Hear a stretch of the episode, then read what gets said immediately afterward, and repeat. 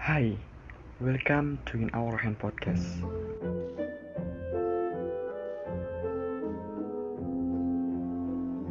Halo teman-teman, selamat datang di episode podcast pertama saya yang saya beri nama New Normal.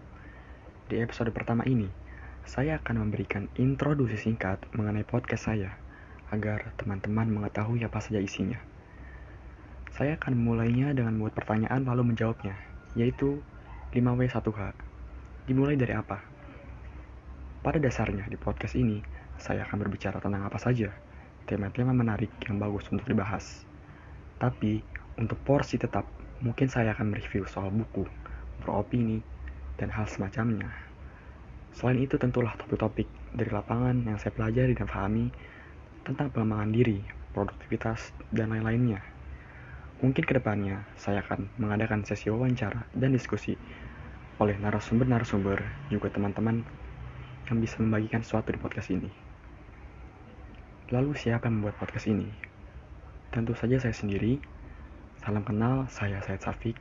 Saya adalah seorang pembelajar sumber hidup. Ya, sama seperti kalian, pemuda yang senang belajar dan berusaha menjadi bermanfaat bagi banyak orang. Sehari-hari, saya membiasakan diri untuk membaca buku, bangun lebih awal, belajar menulis artikel, dan main-main. Hidup seperti kebanyakan orang. Kapan podcast ini dibuat? Saya berencana untuk publish satu bulan sekali di mana podcast ini dibuat.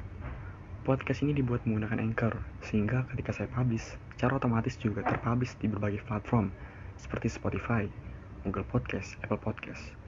Teman-teman bisa memilih aplikasi yang disukai.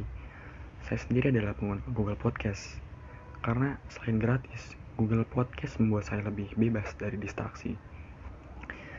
Saya juga mencoba untuk mempublish podcast ini di YouTube dengan tambahan bumbu-bumbu editing.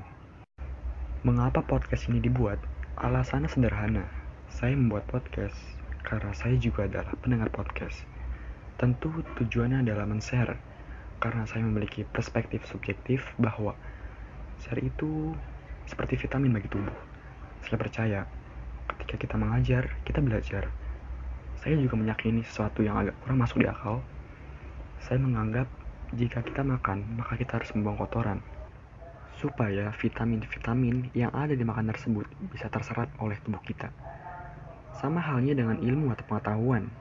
Ketika kita share, maka itu akan menjadi vitamin bagi kita. Tanpa di-share atau dikeluarkan, vitamin atau ilmu itu akan busuk dalam otak dan tidak menjadi apa-apa. Saya berusaha membuat podcast ini senatural, sesingkat, dan sepadat mungkin agar bermanfaat dan tidak membuang waktu percuma bagi teman-teman yang mendengarnya. Untuk episode selanjutnya, saya akan membahas tentang seni mengambil keputusan. Itu saja dari saya di episode perdana ini. Terima kasih sudah menjadi pendengar yang baik, dan sampai jumpa di episode selanjutnya. Bye.